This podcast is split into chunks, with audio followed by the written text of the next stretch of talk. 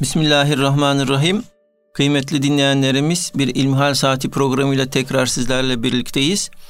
Yüce Rabbimizin selamı, rahmeti ve bereketi üzerimize olsun. Efendim sizlerden gelen sorulara değerli hocamız Doktor Ahmet Hamdi Yıldırım cevap veriyor. Muhterem hocam, bugün Muharrem ayının 10. günü.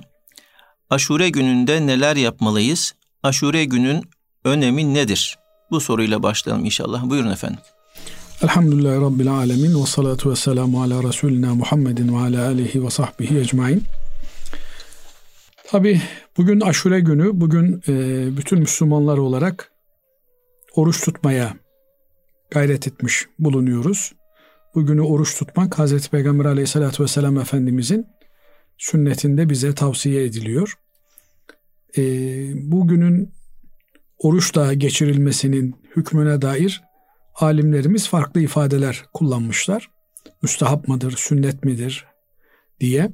İlk dönemde farz olduğunu söyleyen alimlerimiz var. Yani Ramazan orucunun öncesinde farz olduğunu söyleyen alimlerimiz var. Mamafi Ramazan orucuyla beraber ümmeti Muhammed'e farz olan oruç Ramazan orucu olarak kalmış. Ramazan'da bir ay oruç tutmak bize farz olan oruçtur. Onun dışında mecburen tutmamız gereken Allah'ın bize emrettiği bir farz oruç yoktur. Fakat Hz. Peygamber aleyhissalatü vesselam Efendimizin tavsiye ettiği oruçlar var. Bunlardan bir tanesi de aşure günü tutulan oruçtur. Aşure günü bizim için ne ifade ediyor? Aşure günü e, 10. gün anlamına geliyor. Ağırlıklı olarak rivayetler Muharrem'in 10. günü olduğunu söylüyor. Bugün de Cenab-ı Allah bir takım peygamberlerine e, lütuflarda bulunmuş.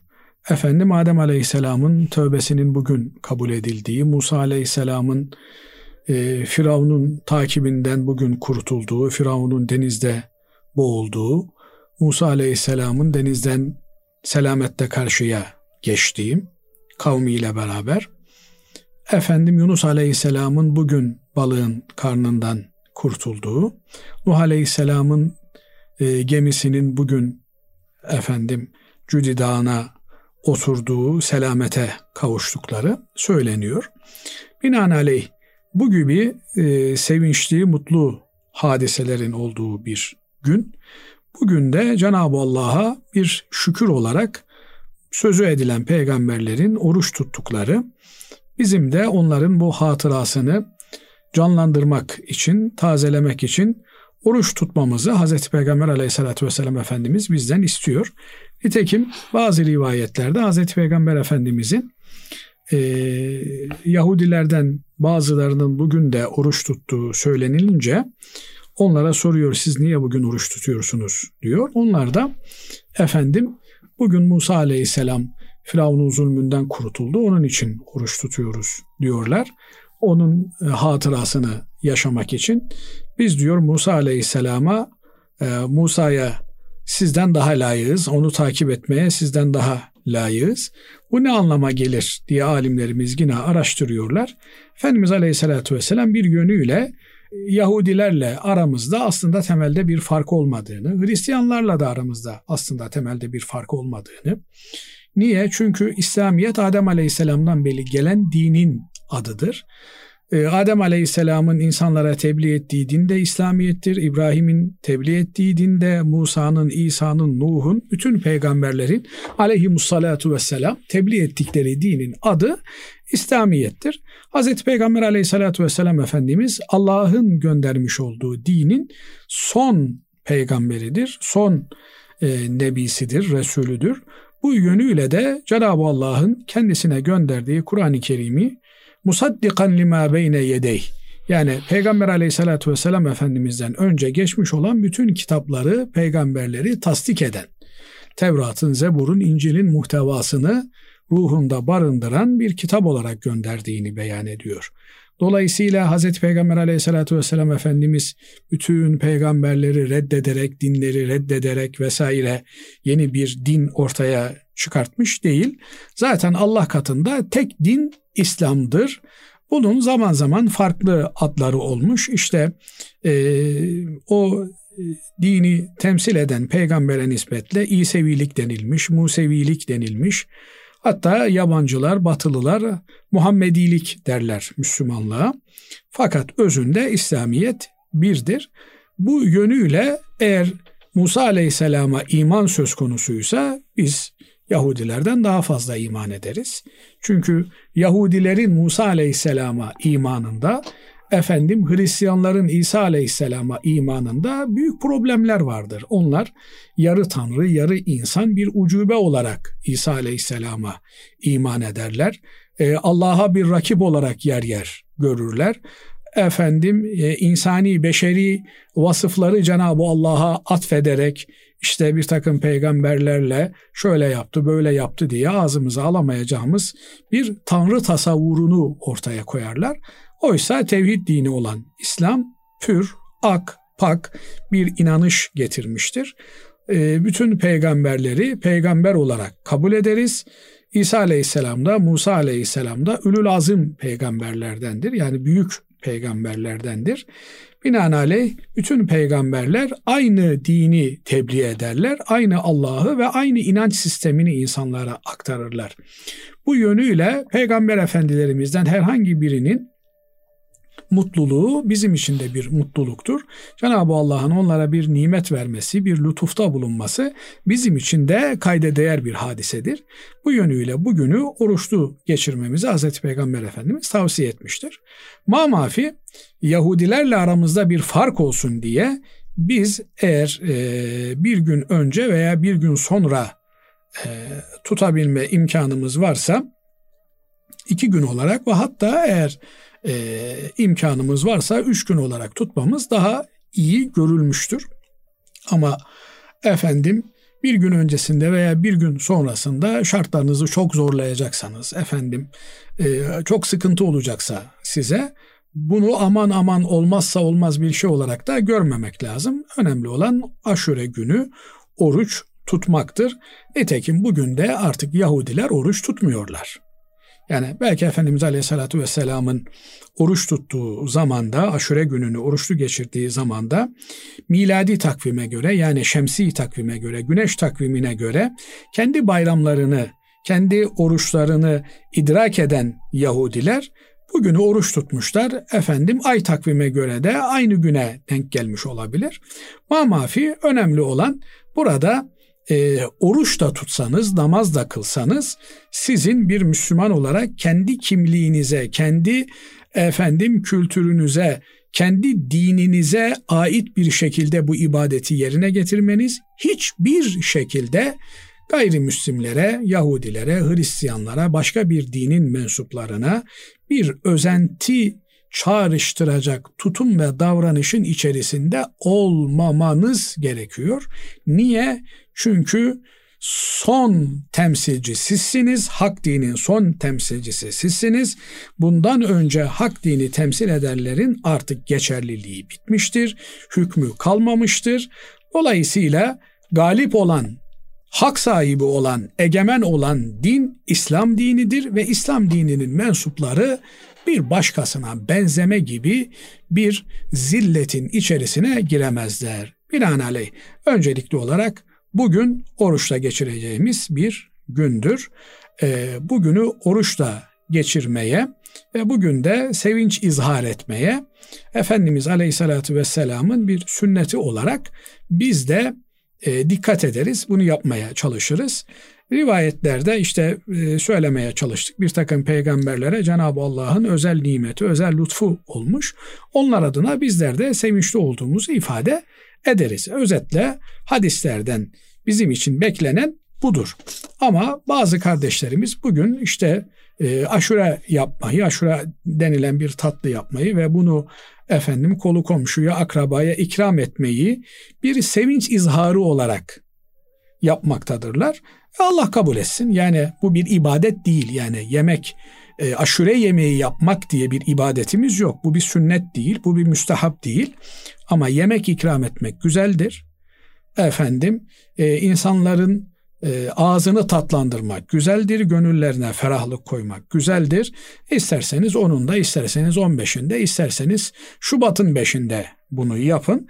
e, böyle bir e, niyetle yapılırsa bir sakınca barındırmaz. Ama bunu işte e, 40 çeşit üründen yapacaksın, 40 kişiye dağıtacaksın, 40 türlü muradına nail olursun diye böyle abuk subuk niyetlerin içerisine girmek doğru bir şey değil. Bir aşure yapacağım diye de insanın kendisini görevlerinden, vazifelerinden uzak tutması da doğru değil. Efendim kadıncağızın üç tane, dört tane çocuğu var. Çocuklarının hizmetini yapmıyor, kocasını ihmal ediyor. Neymiş? Aşure yapacakmış. O aşureyi dağıtırsa çok sevaba girecekmiş değil. Oturursun bir cüz Kur'an-ı Kerim okursun çok daha büyük sevaptır. Ama zaten bir şey yapacaktın. Zaten bir çorba yapacaktın. Çorbanın suyunu bir kepçe daha fazla koyarsın. Komşuna ikram edersin o sevap. Efendim zaten bir tatlı yapma niyetin vardı. Efendim tatlıya iki kaşık daha fazla şeker koyarsın, iki tas daha fazla su koyarsın. Böylelikle de kolu komşuya da tatlı yiyelim, tatlı konuşalım diye bir ikramda bulunursun. Bunun bir anlamı olur. Yoksa e, yani bu bir farz ibadettir, bu bir sünnet ibadettir, bu müstahap bir ibadettir. Haşa böyle bir ibadet anlamı yüklemek çok ama çok yanlış bir şey olur. Buna dikkat etmek lazım. Tabii biz e, bugün çarşamba günü işte e, 9.30'a doğru bunları söylüyoruz.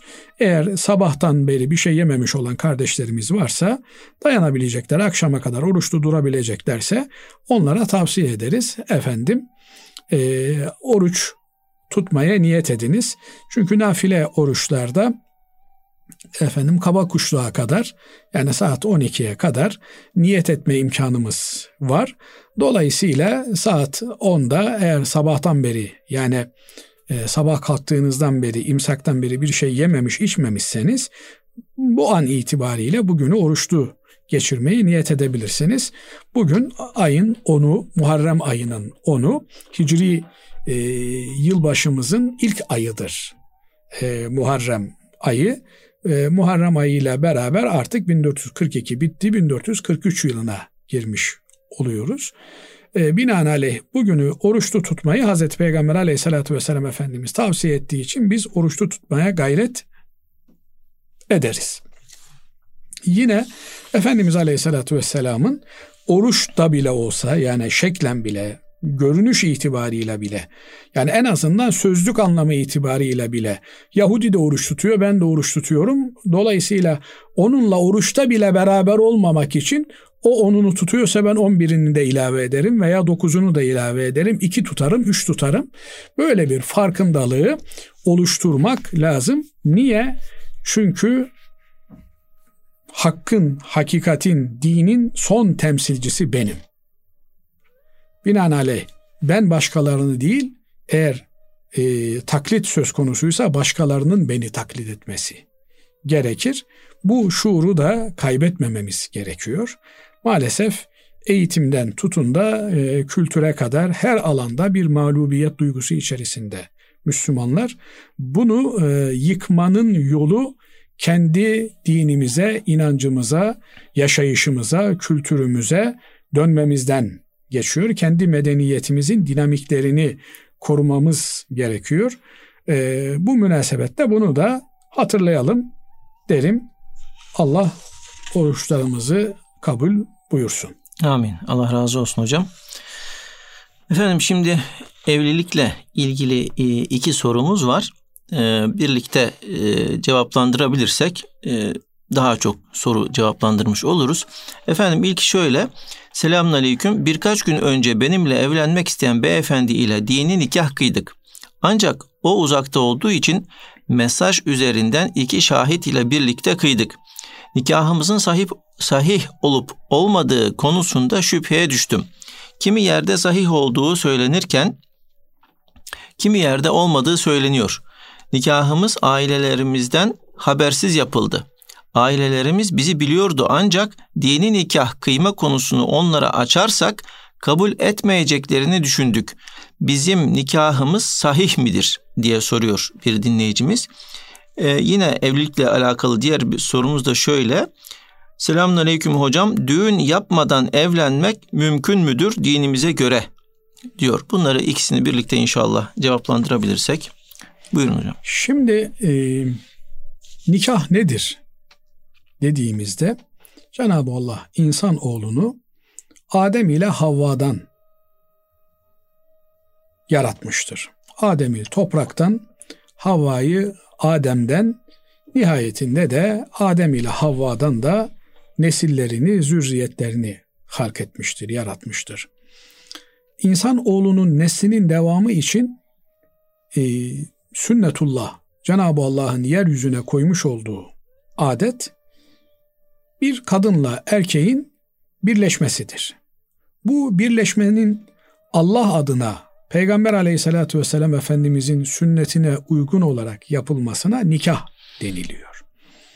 Eğer Allah'ın emrettiği, Peygamber aleyhissalatü vesselam Efendimizin gösterdiği şekilde yapılmazsa bu birleşme, bunun adına zina deniliyor. Dolayısıyla birbirine yabancı olan, birbirine baştan aşağı başka olan, yabancı olan iki kişi Allah'ın kelimesiyle, Allah adına verdikleri söz ile birbirine en mahrem, en yakın iki insan haline geliyorlar. Öyle ki bu birliktelik, bu yakınlık e, yeni insanların e, doğmasına yol açıyor. Böylelikle insan nesli devam ediyor. Bu Cenab-ı Allah'ın kainata koymuş olduğu bir kanun. Binaenaleyh evlilikten maksat birliktir, beraberliktir. Nikah bunu sağlamak üzere yapılır. Bazıları şöyle anlıyorlar. Yani iki tane nikah var. Biri belediyenin efendim e, nikah memurunun önünde kıyılan bir nikah, bir de dini nikah işte bir hoca efendi, bir imam efendi geliyor, onun önünde kıyılıyor. Böyle bir şey yok. Bir tane nikah vardır. Nikah tek bir nikahtır. Yani Allah'ın kabul ettiği, Allah'ın tanıdığı, Allah'ın dininin, Allah'ın şeriatının geçerli saydığı tek bir nikah vardır. O da bir erkekle bir kadının şahitler huzurunda birbirleriyle evlendiklerini aleni olarak ilan etmeleri, duyurmalarıdır. Şöyle bir nikah yoktur mesela. Arkadaşlar biz evlendik, işte iki tane de şahit, aman kimseye söylemeyin.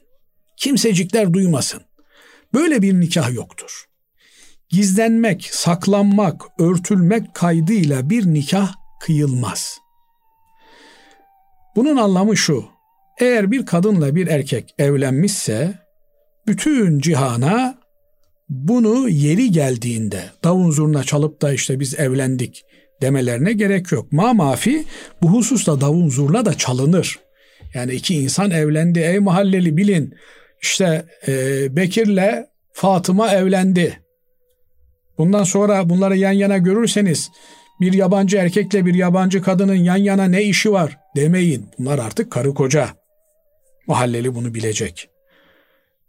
Yani ilgilisi bunu bilecek. Yoksa gazeteye ilan verip de e, işte ben filanla evlendim, feşmekanla evlendim diye bir ilana çıkın demiyor bize şeriatımız. Fakat ne yapıyoruz? Bir davetiye bastırıyoruz. Bu davetiyeyi bizi tanıyan, tanıyabilecek olan herkese veriyoruz. Evet bundan maksat düğünümüze icabet etmeleri, düğünümüze gelmeleri ama gelemiyorlarsa en azından bu olaydan haberdar olmaları bir hayır duada bulunmaları.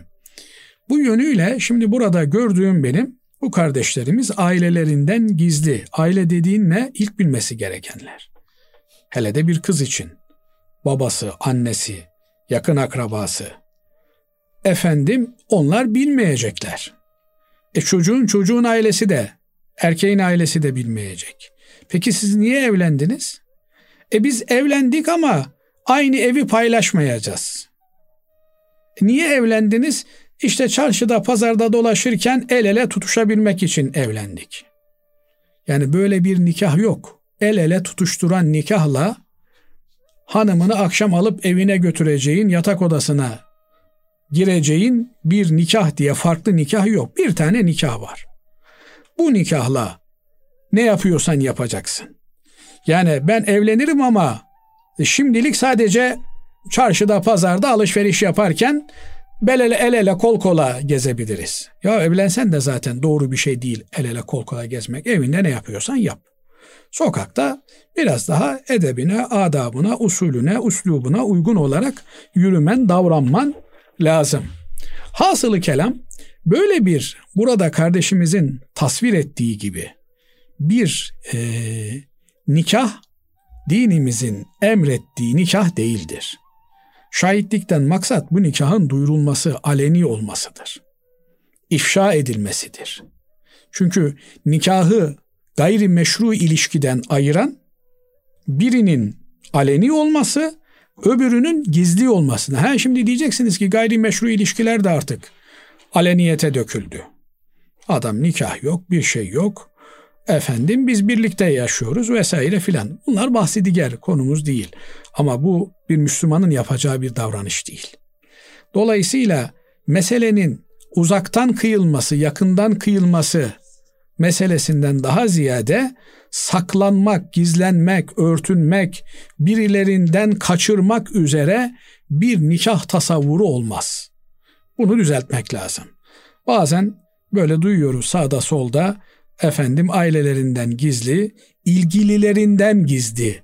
Gençler kendi aralarında evlenmişler vesaire filan.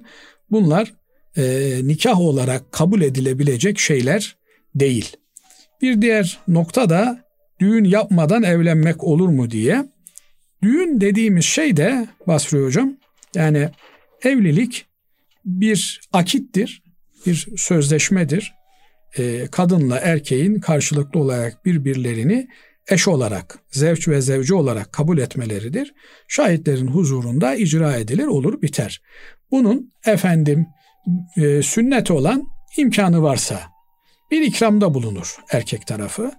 Bir işte e, kurban Allah için keser, onun e, yemek yapar, fakire, fukaraya, kolu komşuya yedirir, düğüne gelenlere yedirir. He imkanı yoksa efendim ne bileyim basit bir şey o düğün münasebetiyle dağıtır. Böylelikle e, yerine gelmiş olur bu vazife.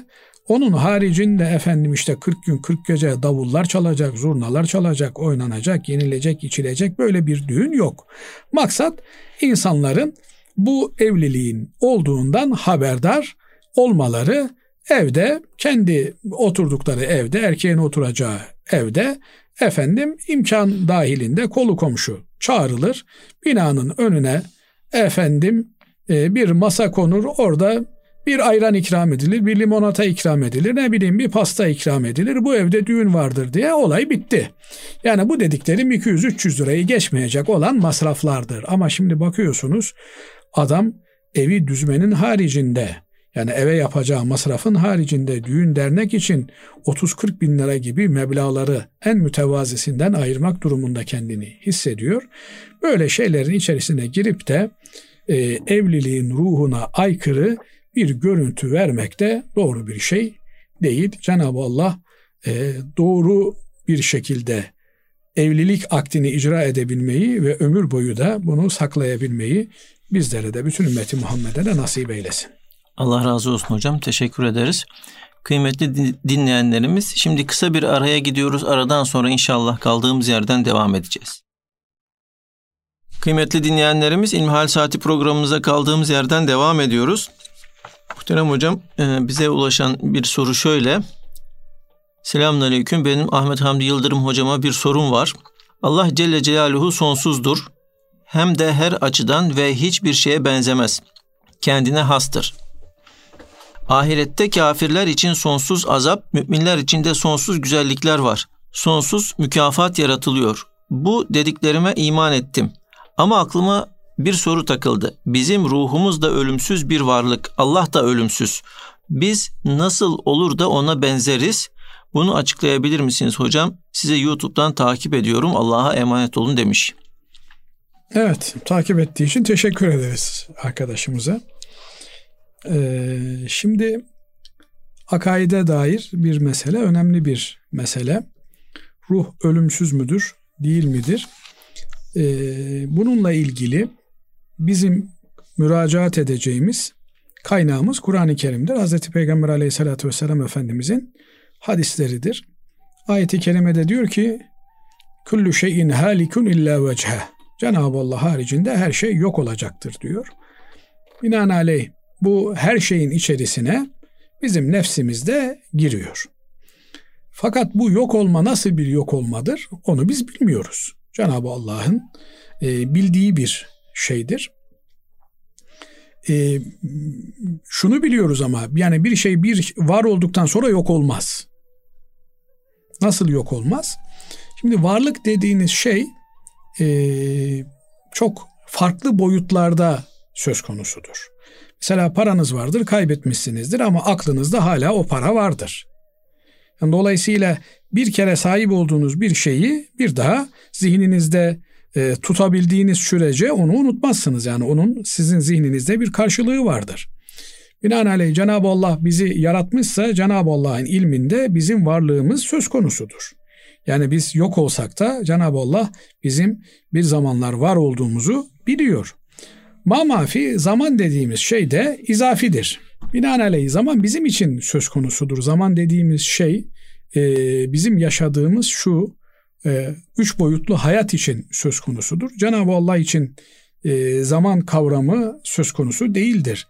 E, bizim hayatımızın sonlanmış olması, e, öncesinin ve sonrasının olması yine bizimle alakalı bir meseledir.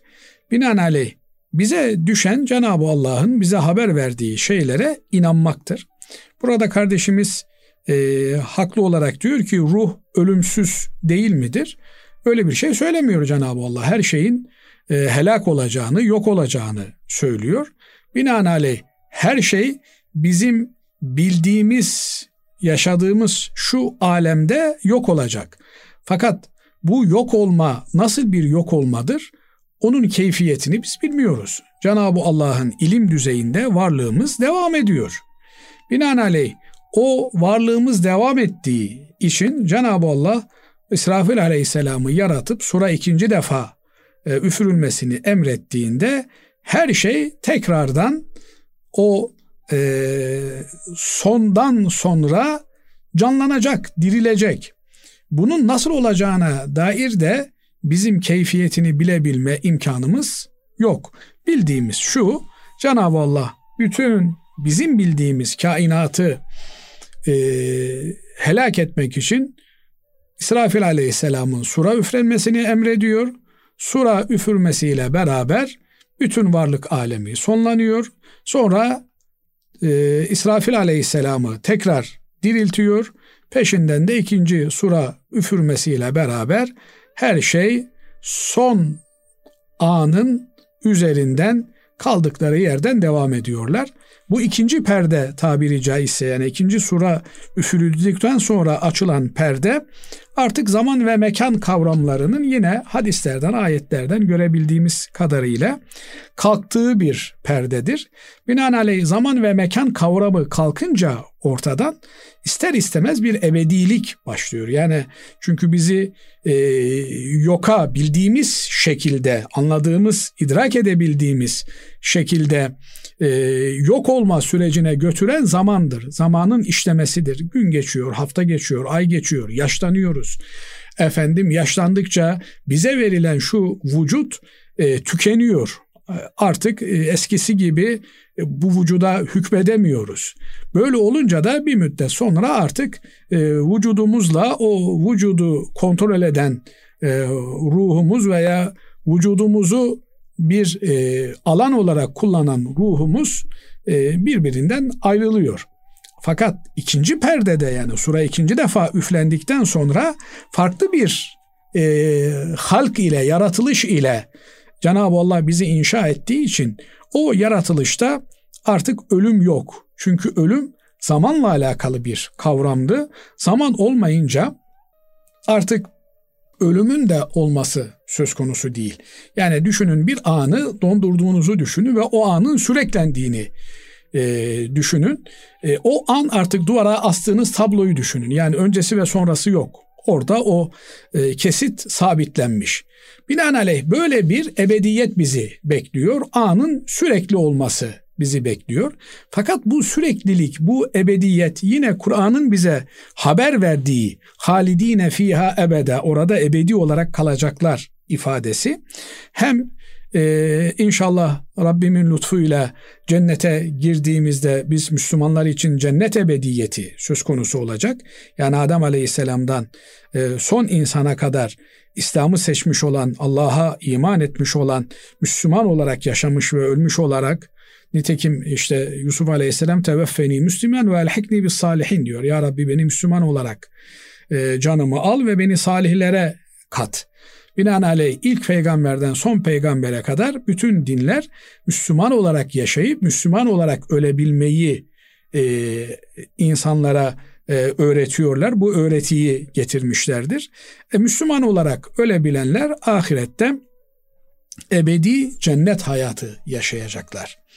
Ebedi cennet hayatı yaşayacaklar. Bu ebediyet nasıl bir ebediyettir? Bu ebediyette Cenab-ı Allah'ın ebediliği aynı ebedilik midir?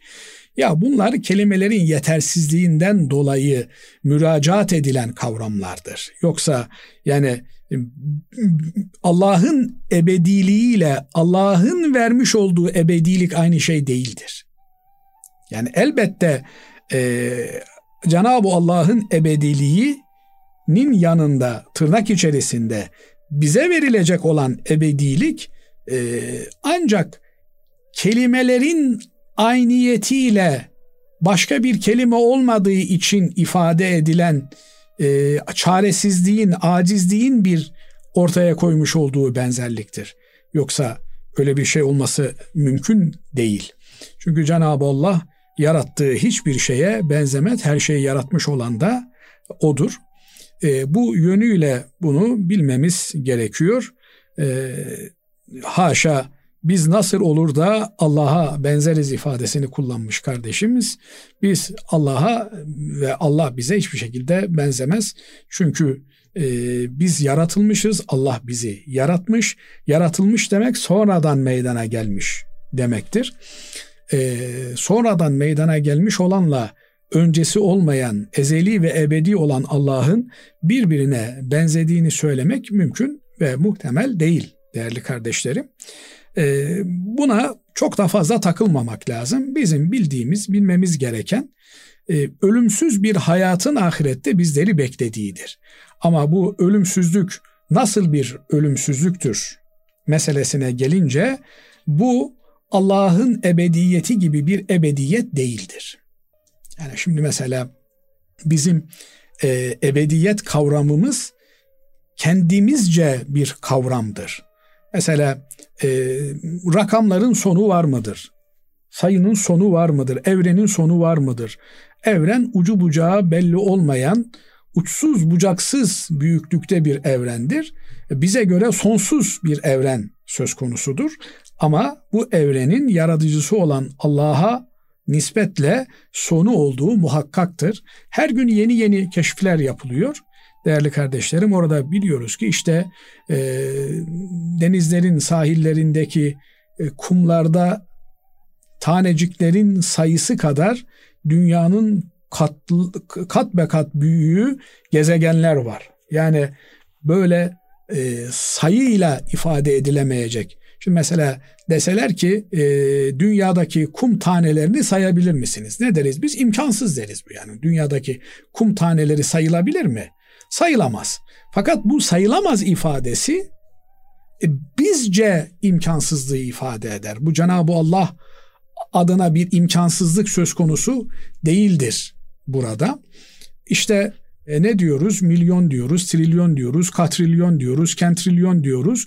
Bu sayılar da sonsuzluğu ifade ediyor ama yine bu bizce bir sonsuzluktur. Cenab-ı Allah için bir sonsuzluk değildir. Binaenaleyh bizim sonsuzluğumuz bizim idrakimizle ilgili bir ebedilik barındırır. Bunu Cenab-ı Allah'ın ebediliğiyle karıştırmamak lazım. Vesselam. Değerli hocam diğer bir sorumuz da şöyle. Belediye veya il özel idareleri gibi devlet kurumlarına referans ile işe girmek caiz midir? Normalde bu gibi kurumlara ilan yolu ile veya sınavla girilebiliyor. İlan ve sınav olmaksızın üst düzey yetkili bir kişinin onayıyla de girmek uygun mudur? Kul hakkına girmek gibi bir durum söz konusu olabilir mi? Kafam çok karışık hocam. Aydınlatırsanız gerçekten çok sevinirim. Şimdiden Allah razı olsun diyor. Tabii burada bir referans müessesesi var. Bunu şöyle görmek lazım benim kanaatimce. Bir yerde bir iş ilanına çıkılmışsa siz gidiyorsunuz diyorsunuz ki ben bu işi yapabilirim. Yani kendi kendinize referans oluyorsunuz. Bu işi diyorsunuz ben üstesinden gelebilecek kabiliyette bir kimseyim. Bu işi bana verirseniz e, doğru bir iş yapmış olursunuz. Binaenaleyh bir kimsenin bu tür ilanlar karşısında kendi kendine referans olarak ben bu işe ehilim diye müracaat etmesi doğru mudur, yanlış mıdır? Bu noktada vereceğimiz cevap elbette eğer bir kimse kendinde o noktada bir yeterlilik görüyorsa, mesela Yusuf Aleyhisselam diyor ki, işte meşhur bir rüya söz konusu, Mısır kralının gördüğü bir rüya söz konusu. Bu rüyayı Mısır'ın e, önde gelen alimleri ki en önemli maharetleri rüya yorumlamalarıydı. Yani rüya tabiri meselesinde çok ileriye gitmiş kimselerdi. Fakat kralın gördüğü rüyayı yorumlayamadılar. Yusuf Aleyhisselam'a müracaat edildi. Yusuf Aleyhisselam özetle geçiyorum rüyayı tabir etti. Rüyanın tabirini çok yerinde bulan kral e, bu işten hoşlandı ve kendi aralarında ne yapmasılması gerektiğini konuşurlarken Yusuf Aleyhisselam diyor ki İc'alni ala hazainil art. Mısır'ın diyor efendim e, silolarını, depolarını, hazinelerini bana emanet edin diyor. Beni diyor e, Ziraat Bakanlığına atayın diyor. Bakan yapın. Dolayısıyla bunu da gerekçelendirirken ni hafizun alim diyor. Yani ben birincisi diyor e, güvenilir bir insanım. İkincisi de işi biliyorum diyor. Yani bu işi çekip çevirebilecek e, bir potansiyele sahibim diyor. Dolayısıyla Yusuf Aleyhisselam kendi kendine referans olmuş oluyor. Öncesinde de bir rüyayla, rüyaya yaptığı yorumla kendini ispatladığından dolayı kralın da hoşuna gidiyor ve hakikaten e, Mısır hazinesinin başına, efendim Ziraat Bakanlığı'na, silolarının başına, buğday silolarının başına Yusuf Aleyhisselam'ı getiriyorlar. Malumunuz işte 7 sene sonra bir bolluk, bir bolluk oluyor. Bu bolluğun peşinden 7 sene kıtlık oluyor. Önemli bir hadiseyi Yusuf Aleyhisselam'la beraber onun e, kabiliyetleri, yönetim becerileriyle beraber atlatıyorlar. Sadece kendileri değil, efendim e, etraftan Filistin'den, Şam'dan gelen insanlara da yardımcı oluyorlar. Yusuf suresi bu olayı anlatıyor, bu kıssayı anlatıyor. Şimdi bu kıssadan alacağımız derslerden bir tanesi demek bir insan hakikaten bir e, vazife boşluğu varsa yani e, bu noktada kendini ileriye atıp kendi kendine referans olabilir. Oysa Hz. Peygamber aleyhissalatü vesselam Efendimizin hadislerinden e, insanın kendi kendine referans olmaması, talip olmaması, matlub olması gerektiğini görüyoruz. Yani bu ikisi birbiriyle çelişmiyor mu? E, şu açıdan bakarsak çelişmiyor. Yani eğer o işi yapabilecek başka bir kardeşi varsa, mesela ben bakıyorum e, Basri hocam bu vazifeyi çok daha iyi benden götürebilecek bir kimse. O varken ya ben bu işi yaparım diye ortaya çıkmak doğru değil. Ama bakıyorum ki ortada bu işi yapabilecek kimse yok. Dolayısıyla böyle bir durumda rastgele yani ehliyetsiz kişilere işi bırakmak yerine arkadaşlar diyorum bu işi ben yapabilirim. Bakın bu işin üstesinden gelebilecek hem bilgi ve becerim var hem de güven noktasında bu işin üstesinden gelebilecek bir kimseyim diye kendimi öne atıyorum. Aynı şekilde eğer bir işin e, ehil talibi yoksa yani bir pozisyon düşünün. Bu pozisyon işte e, ne bileyim astroloji bilgisi gerektiriyor. Efendim çok önemli sırlar ihtiva ediyor. Hem bilgisi hem güvenilirliği olan hem vatanperverliği olan bir kimseye ihtiyaç var. Eğer e, zaten piyasada bu işe müracaat eden herkeste bu aranan vasıflar söz konusuysa o zaman e, önce müracaat eden bu olayda işi sahiplenir. Yani onun da kendince kriterleri vardır. Ama hakikaten yani bir yerde önce bir güven problemi varsa yani buraya gelen kimse ser verecek, sır vermeyecek. Yani başını feda edecek ama devletin mahrem bilgilerini kimseyle paylaşmayacak. Efendim sonra işi bilen olacak. Bu da sadece belli kimselerde varsa o zaman bu kimseleri arayıp bulup getirip o makama oturtmak gerekiyor. Yani illa onları müracaat etmesini de beklememek gerekiyor. Yani e, yani bir radyo programında nasıl misal verilir? Şu anda tam şey yapamıyorum ama mesela düşünün çok önemli hassas bir yere bir atama yapacaksınız. 100 kişi müracaat etmiş ama bu müracaat edenlerin hiçbirisi sizin aradığınız hassas vasıflara sahip değil. Ama biliyorsunuz ki filan yerde efendim uzdete çekilmiş, kendi dünyasında yaşayan bir adam var. Onu bulup gerekiyorsa silah zoruyla o görevin başına getireceksiniz. O görevi ona emanet edeceksiniz. Niye? Devletin, milletin âli menfaatleri bunu gerektiriyor diye. Ama bir göreve liyakatli biri talip olmuş. Fakat sen yeğenini ona rağmen hak etmediği halde torpille, efendim kayırma suretiyle o göreve getiriyorsan Allah'ın da, peygamberin de, meleklerin de, bütün mahlukatın laneti senin üzerine olur. Yani burada e, referans mefhumunu iyi anlamak gerekiyor. Yani referansın anlamı ne? Ya sen benim nasıl bir adam aradığımı biliyorsun. Bu gelen adam o adam mı değil mi? Bu noktada bana yardımcı ol. Sen gelen adamın o adam olmadığını bildiğin halde sırf hatır için, gönül için bunu yapıyorsan o zaman sen hainsin ve e, Allah la yuflihu keydel hainin hainlerin hilelerini başarıya ulaştırmaz. Yani bu çok büyük bir hainliktir. Bana göre vatana hiyanetle eşdeğer bir şeydir hak etmeyen bir kimseyi sırf senin hamili kart yakınındır diye bir vazifeye, bir göreve getirmen Allah'ın peygamberinin razı olacağı bir şey olmaz. Ama hak etmiş olan bir adamı göreve talip olmasa da senin çekip zorlayıp o göreve getirmen gerekiyor. Bir başka misal de şeydir. E, Şuayb Aleyhisselam'ın kızlarına Musa Aleyhisselam'ın bir yardımı var. Yine Kur'an-ı Kerim'de bunu beyan ediyor. O kızlardan bir tanesi babasına diyor ki baba diyor bu adam diyor tam senin aradığın vasıflarda biri inne hayra men istecertel kaviyyül emin güçlü kuvvetli ve emniyetli bir adam. Yani işi biliyor ve güvenilir. Ne oluyor? Bakın Şuayb Aleyhisselam'ın kızı referans oluyor Musa Aleyhisselam'ın işe alınması için.